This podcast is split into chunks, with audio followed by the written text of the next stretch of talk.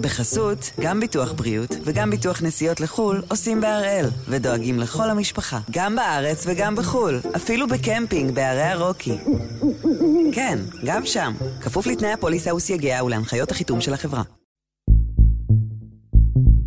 היום יום רביעי, שישה באפריל, ואנחנו אחד ביום, מבית N12.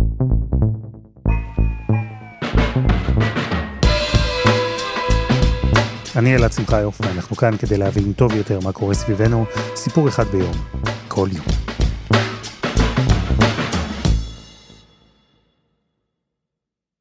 יש איזו בדיחה ישנה כזו על האיש שהודיעו לו שמחיר הדלק עולה והוא הגיב בביטול ואמר שזה בכלל לא מעניין אותו כי הוא תמיד ממלא במאה שקלים.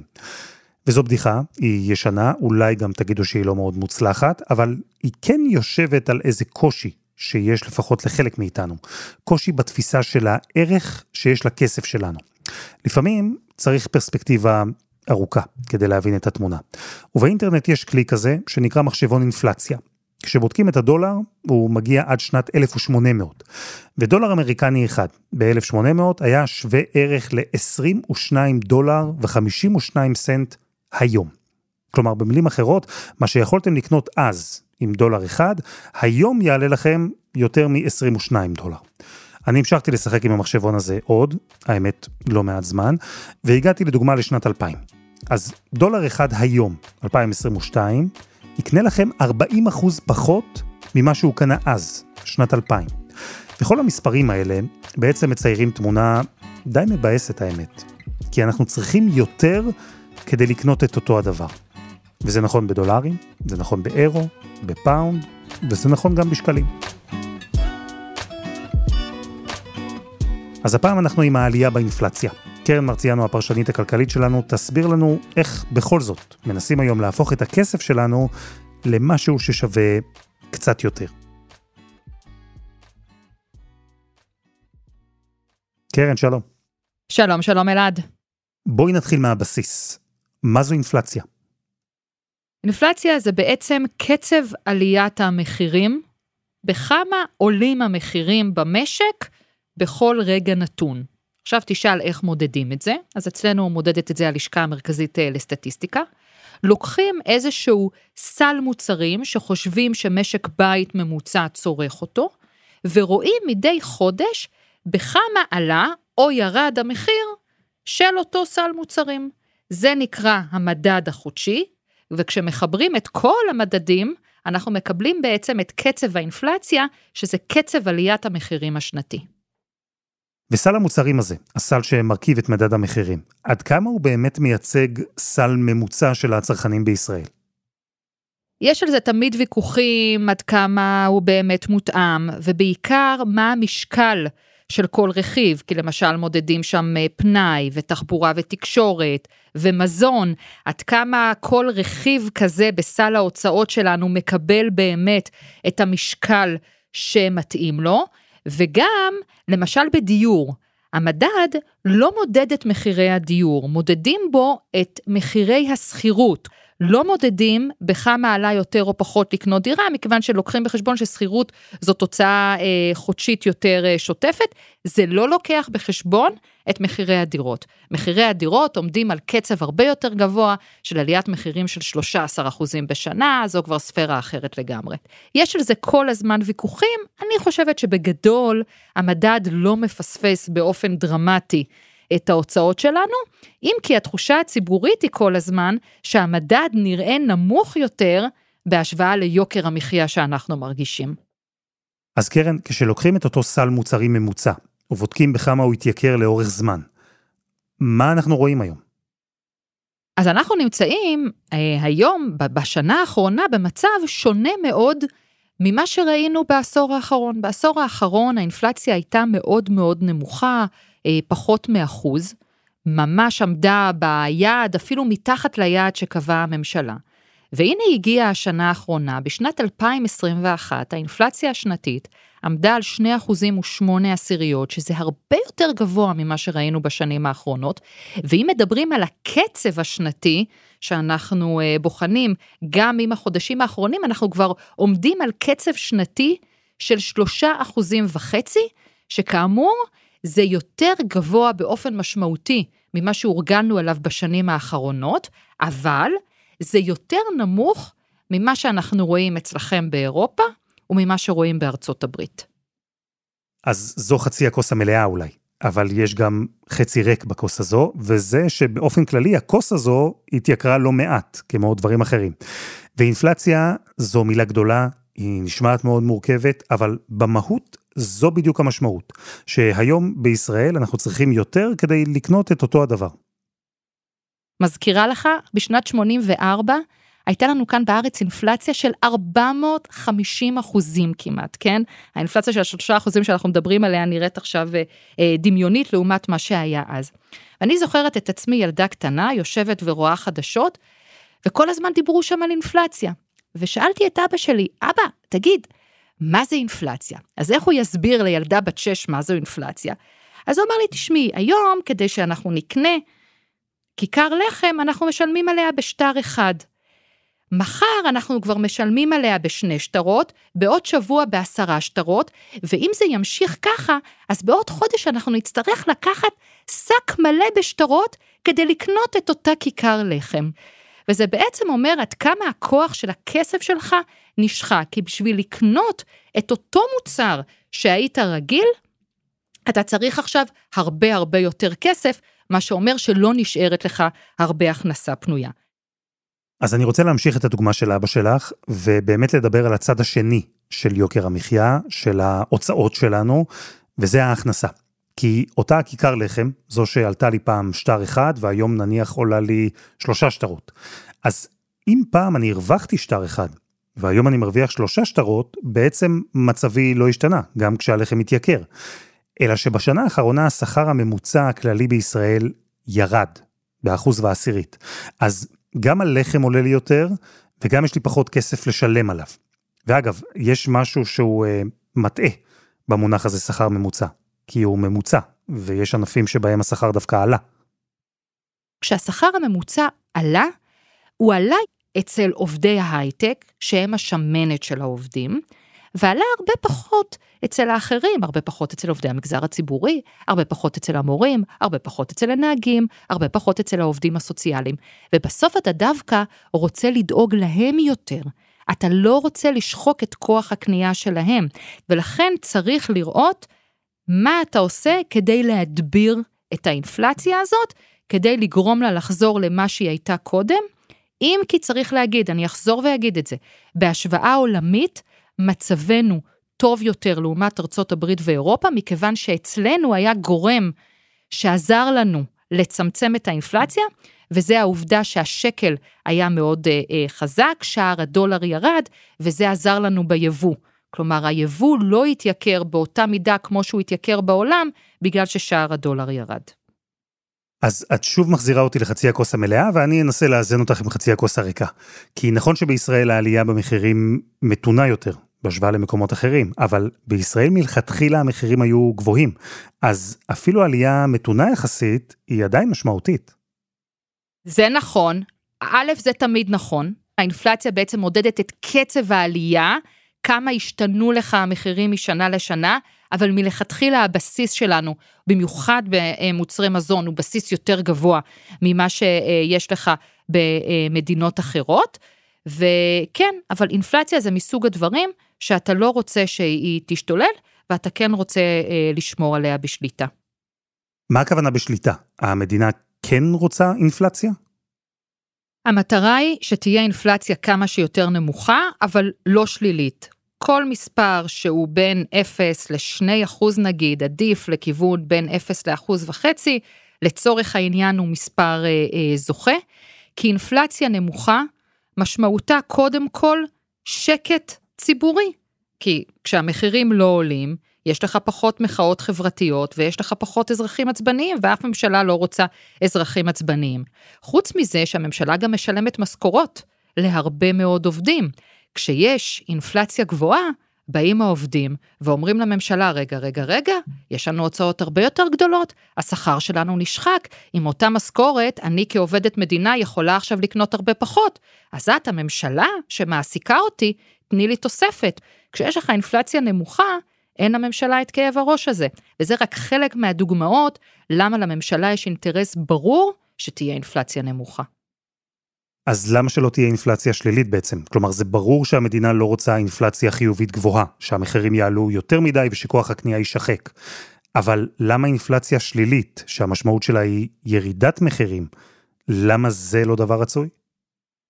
כי כשיש לך אינפלציה שלילית, זה בעצם מאותת על כך שיש לך תהליך לא בריא במשק. בסוף, אתה רוצה שיצרנים שמוכרים לך את המוצרים, ימכרו אותם ברווח מסוים. אתה לא רוצה שיהיו לך מונופולים, אתה לא רוצה שיהיו לך מחירים אה, אה, משתוללים, אתה לא רוצה משק שהוא לא תחרותי יחסית, כמו המשק שלנו בחלק מהענפים, בין היתר בתחום המזון. אבל אתה לא רוצה מחירים יורדים, כי מחירים יורדים אומרים בהכרח שהרבה מאוד יצרנים אצלך לא מרוויחים, ואם הם לא מרוויחים אז זאת האטה כלכלית, הם בסוף יסגרו את העסק. עסק צריך להרוויח. וגם אם יש לך מחירים מאוד נמוכים, או מחירים באינפלציה שלילית, כלומר מחירים שיורדים, זה אומר שאין לך הרבה ביקוש. זאת אומרת שיש לך כנראה אבטלה גבוהה, ולכן אנשים קונים פחות. אתה לא רוצה את זה.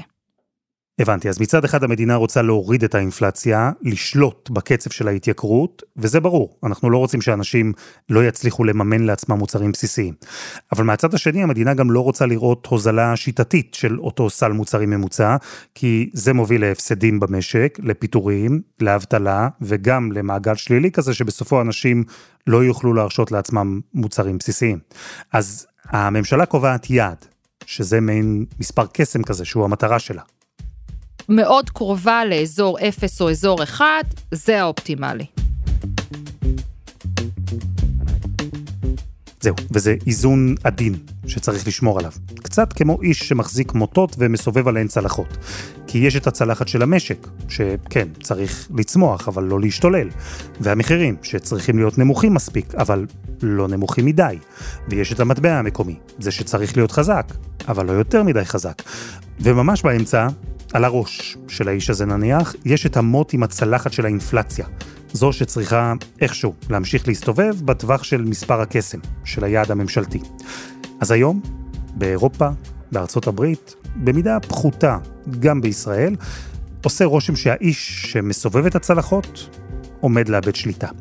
ועכשיו צריך לדאוג שלא נקבל רצפה מלאה בחתיכות שבורות. אבל קודם, חסות אחת, וממש מיד חוזרים.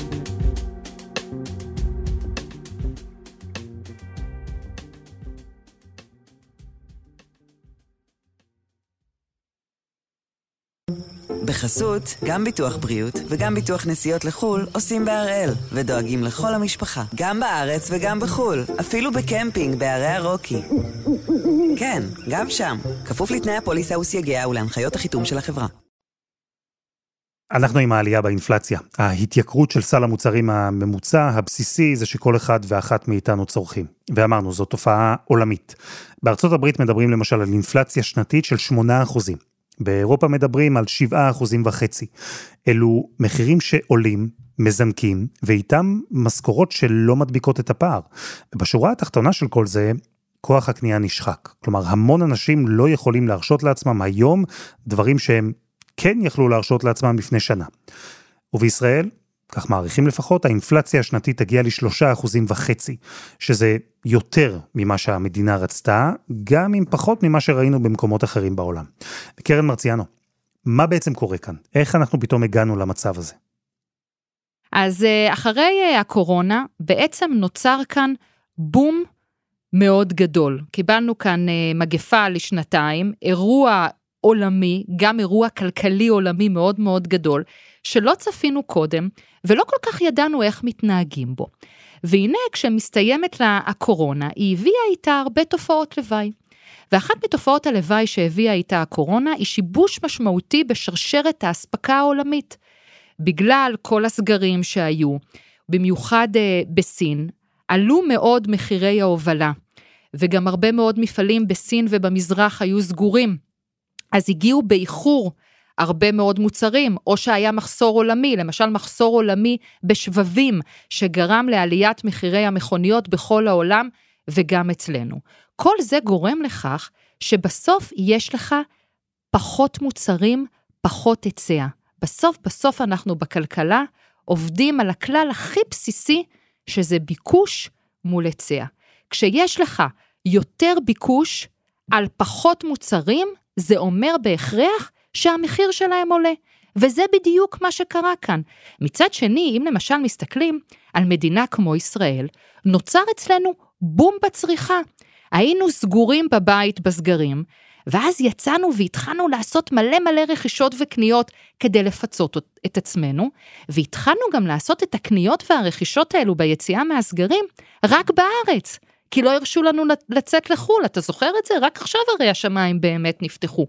ובגלל שאנחנו עורכים כאן את הקניות בארץ, אז המחירים בארץ עולים, כי יש כאן הרבה יותר ביקוש על פחות או יותר אותו היצע. אז זהו, אנחנו דיברנו כאן באחד ביום בכמה פרקים, על מצבור הנסיבות הזה, על משבר שרשראות האספקה, על הבום הכלכלי המפתיע בזמן הקורונה, ובעצם לאורך הרבה זמן היו לא מעט אנשים שלא דיברו על כל מה שקורה במונחים של משבר כלכלי, אלא של אה, מה שנקרא תיקון, או תופעה שתעבור. אז זהו שלא. הרי בסופו של דבר, כשמחירי הדלק עולים, ואגב, מחירי הדלק עולים בגלל המשבר בין רוסיה לאוקראינה, אבל מחירי הדלק בכלל התחילו לעלות בשנה האחרונה בגלל הבום הכלכלי החדש שנוצר בעולם אחרי הקורונה, אז היה יותר ביקוש אה, לדלק, כי התעשייה מאוד גדלה והתעצמה מחדש.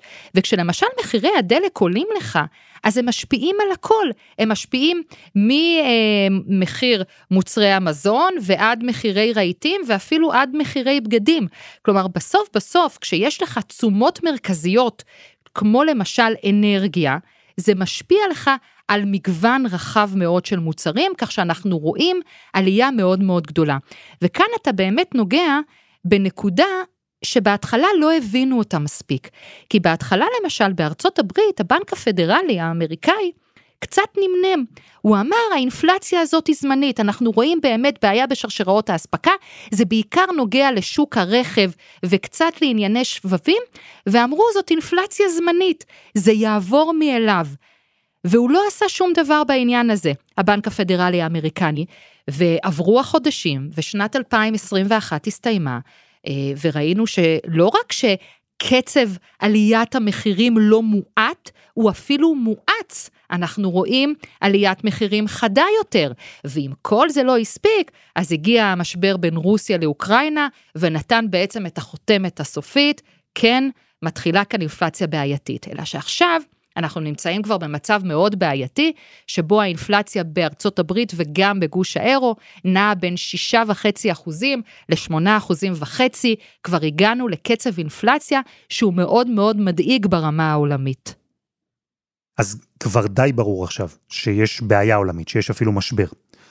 מה עושים? איך מתמודדים עם אינפלציה שמזנקת ככה? בבית ספר לכלכלה מלמדים את פתרון בית הספר, איך אתה נלחם באינפלציה, אתה מצד שני מעלה את מחיר הכסף. כשהכסף שלך מתייקר, זה אמור להוות גורם מאזן. איך אתה מייקר את הכסף שלך? בכך שאתה מעלה את הריבית. מה זה בעצם ריבית? ריבית היא המחיר של הכסף. כמה בעצם יקר לך להחזיק, לצורך הדוגמה, שטר של 100 שקלים. זהו, שזה קונספט שאולי שווה להתעכב עליו לרגע. המחיר של הכסף. כי ריבית גבוהה, המשמעות שלה היא שיקר יותר לקבל כסף. אם הריבית גבוהה ואני לוקח הלוואה מהבנק, אני מקבל ממנו כסף, אז אני צריך לשלם על הכסף הזה יותר. ואם הבנק מקבל ממני כסף, נניח אם אני פותח תוכנית חיסכון, אז הבנק ישלם לי יותר. ריבית גבוהה. וריבית נמוכה היא הצד השני של המטבע. סליחה על משחק המילים. כשהריבית נמוכה, אז אין לי טעם לתת את הכסף לבנק, כי הוא לא ישלם לי עליו הרבה. להפך, יש לי תמריץ לקחת מהבנק כסף, בהלוואה נניח, כי הכסף הזה זול. אז בוא ניקח אותך לדוגמה. אם יש לך 100 שקלים והריבית היא ריבית שקרובה לאפס, אתה תעדיף לקחת את הכסף הזה ולבזבז אותו. ליהנות מהחיים, ללכת לחנויות, לבזבז את הכסף הזה, ובעצם אתה ורבים שעושים את אותו דבר כמוך, מעלים את הביקושים ומעלים את המחירים. אבל בעולם שבו הריבית עולה, יכול להיות שאתה תבוא ותגיד לעצמך, רגע, אם אני לוקח עכשיו את המאה שקל, או אפילו לא את כל המאה שקל, רק חלק מהמאה שקל, ואני שם אותם בבנק, אני כבר יכול לקבל עליהם רווח יותר גדול. עד עכשיו בפק"ם בבנק נתנו לי עם אפס, לא היה שווה לי לשים את הכסף בבנק. אבל עכשיו כבר נותנים לי על זה חצי אחוז, אולי אחוז, אולי אחוז וחצי בהמשך, זה כבר יותר משתלם לי, אז לא שווה לי לבזבז את כל המאה שקלים. אולי אני אבזבז רק 50, ו-50 אחרים אני אשמור כחיסכון, כי אני כבר מקבל עליהם רווח לא רע. מה בעצם אנחנו יצרנו כאן? הקטנו את הביקושים במשק. אתה יצאת וקנית פחות. יצאת וקנית פחות, פחות ביקושים, פחות עליות מחירים. אז זה טריק. כי בזה שמעלים את הריבית, מייקרים את הכסף, אז לוקחים חלק מהתמריץ של אנשים לבזבז אותו. הבנק פתאום הופך לאפיק השקעה אטרקטיבי יותר. תוכניות חיסכון למיניהם, שייתנו לנו יותר כסף כי הריבית גבוהה. הלוואות הופכות ליקרות יותר. אז בזה מצפים שאנשים יבזבזו פחות. ואז הביקושים ירדו, והמחירים ירדו, והאינפלציה תרד. וקרן, זה נשמע טוב. אבל אה, אמרנו כבר, בכלכלה זה הכל משחק של איזונים, צלחות מסתובבות. לעליית ריבית יש גם אפקטים שליליים אחרים. כשהריבית עולה, אנחנו דיברנו על אלעד, האזרח שמחזיק 100 שקל ומתלבט אם לקנות ובכמה לקנות בחוץ ולבזבז.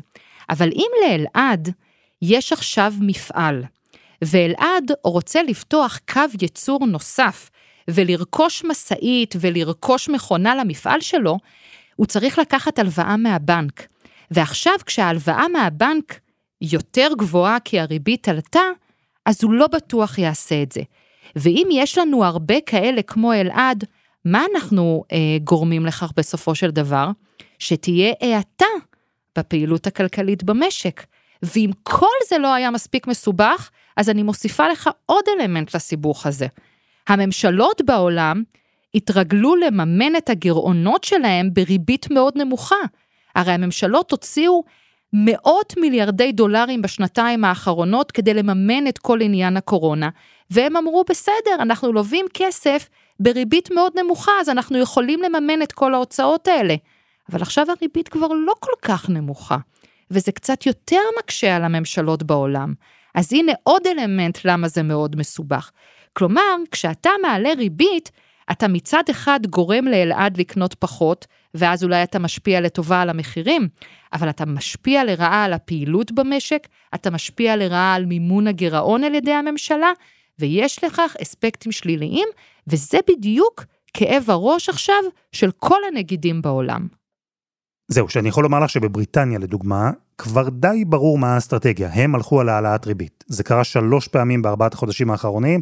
הבנק המרכזי של אנגליה העלה את הריבית מ-0% ל-0.75. אבל כמו שאמרת, זו לא החלטה פשוטה, לא כולם הולכים על קו כזה. ראינו בדיוק את מה שעשה נגיד הבנק האמריקני. העדיף לחכות, לחכות, לחכות, כי אמר, אולי זה זמני ויעבור מעצמו. אז בואו לא ניכנס לכאב ראש הזה, הוא חשב שאיכשהו הבעיה תסתדר, והוא לא יצטרך להעלות את הריבית. אבל התקווה הזאת נגוזה, ולכן עכשיו הוא העלה את הריבית ברבע אחוז, אבל הרבה מאוד אנליסטים וכלכלנים אומרים, רגע חבר'ה, רבע אחוז מול אינפלציה של שמונה אחוזים, אתם עושים פה צחוק, צריך להעלות את הריבית בקצב הרבה יותר מהיר ובשיעורים הרבה יותר חדים. אבל אין לו אומץ לעשות את זה, כי הוא פוחד עכשיו לזעזע את השוק. הוא לא רוצה לגרום להאטה הזאת שעלולה להיות, בטח לא במצב של שוק שהוא שוק מאוד רגיש, גם בהתאוששות כלכלית עדינה אחרי המגפה, וגם במלחמה שמאיימת על הסדר המדיני בעולם. וכאן זה בעצם שורש ההתלבטות של הבנקים המרכזיים. מצד אחד הרצון שלהם להקטין ביקושים, ומצד שני, לגרום, לא לגרום לכך שתהיה האטה בדיוק בשלב שבו יש התאוששות מרשימה, אבל גם קצת עדינה אחרי מגפה.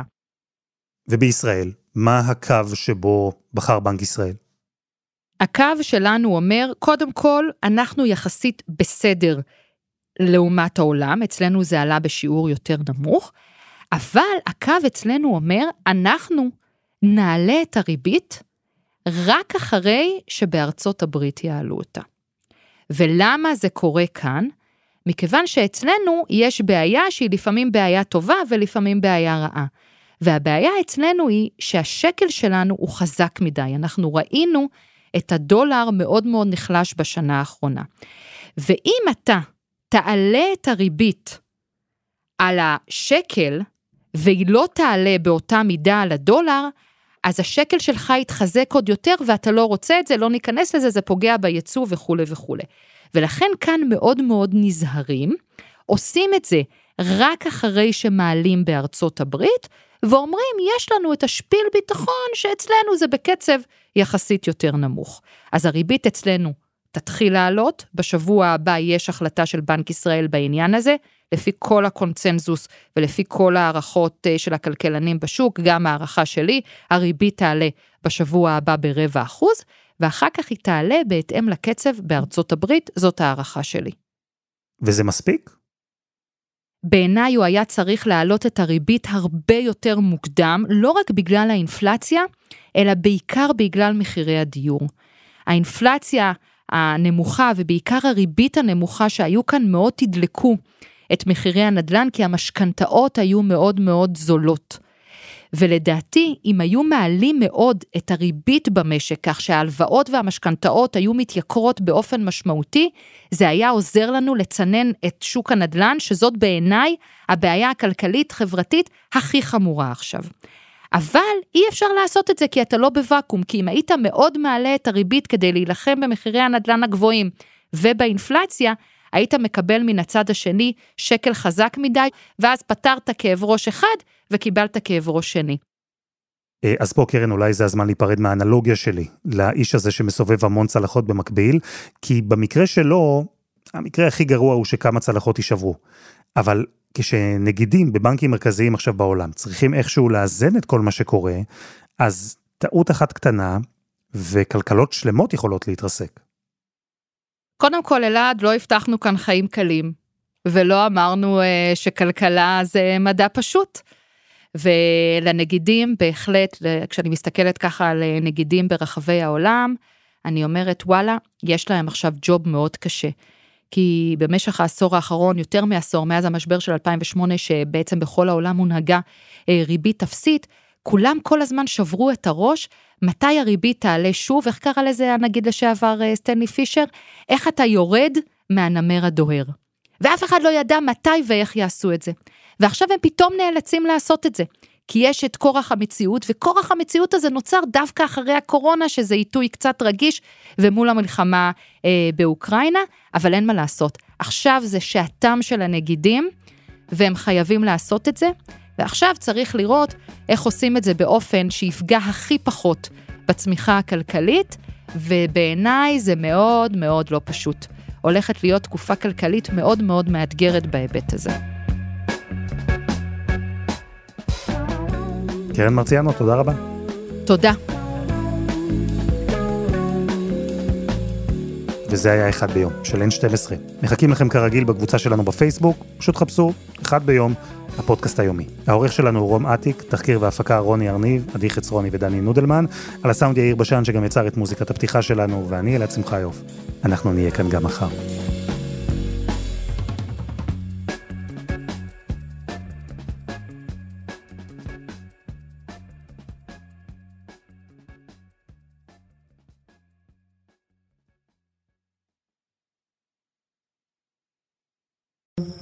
בחסות, גם ביטוח בריאות וגם ביטוח נסיעות לחו"ל עושים בהראל, ודואגים לכל המשפחה, גם בארץ וגם בחו"ל, אפילו בקמפינג בערי הרוקי.